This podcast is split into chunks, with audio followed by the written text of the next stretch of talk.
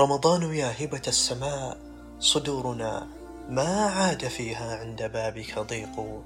رمضان فينا من حنين قلوبنا عين تفيض ومهجة تتشوق.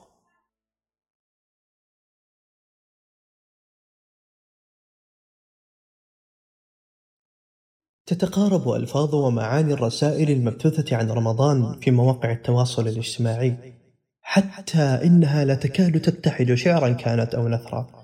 ولكثرة ما تنقلت مجتها الأسماع وملتها الطباع.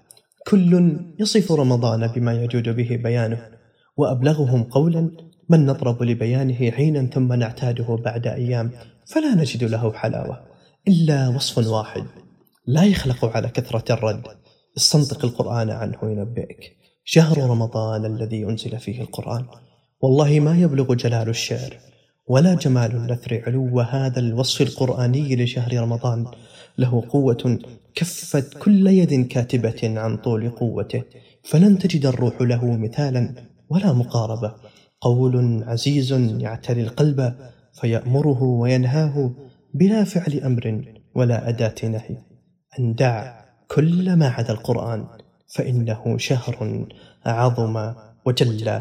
عن سائر الأزمان لنزول القرآن فيه. فعي ورتل وارق وارتقي. فوالله ما أبقى قول الله قولا لأحد من بعده عن رمضان.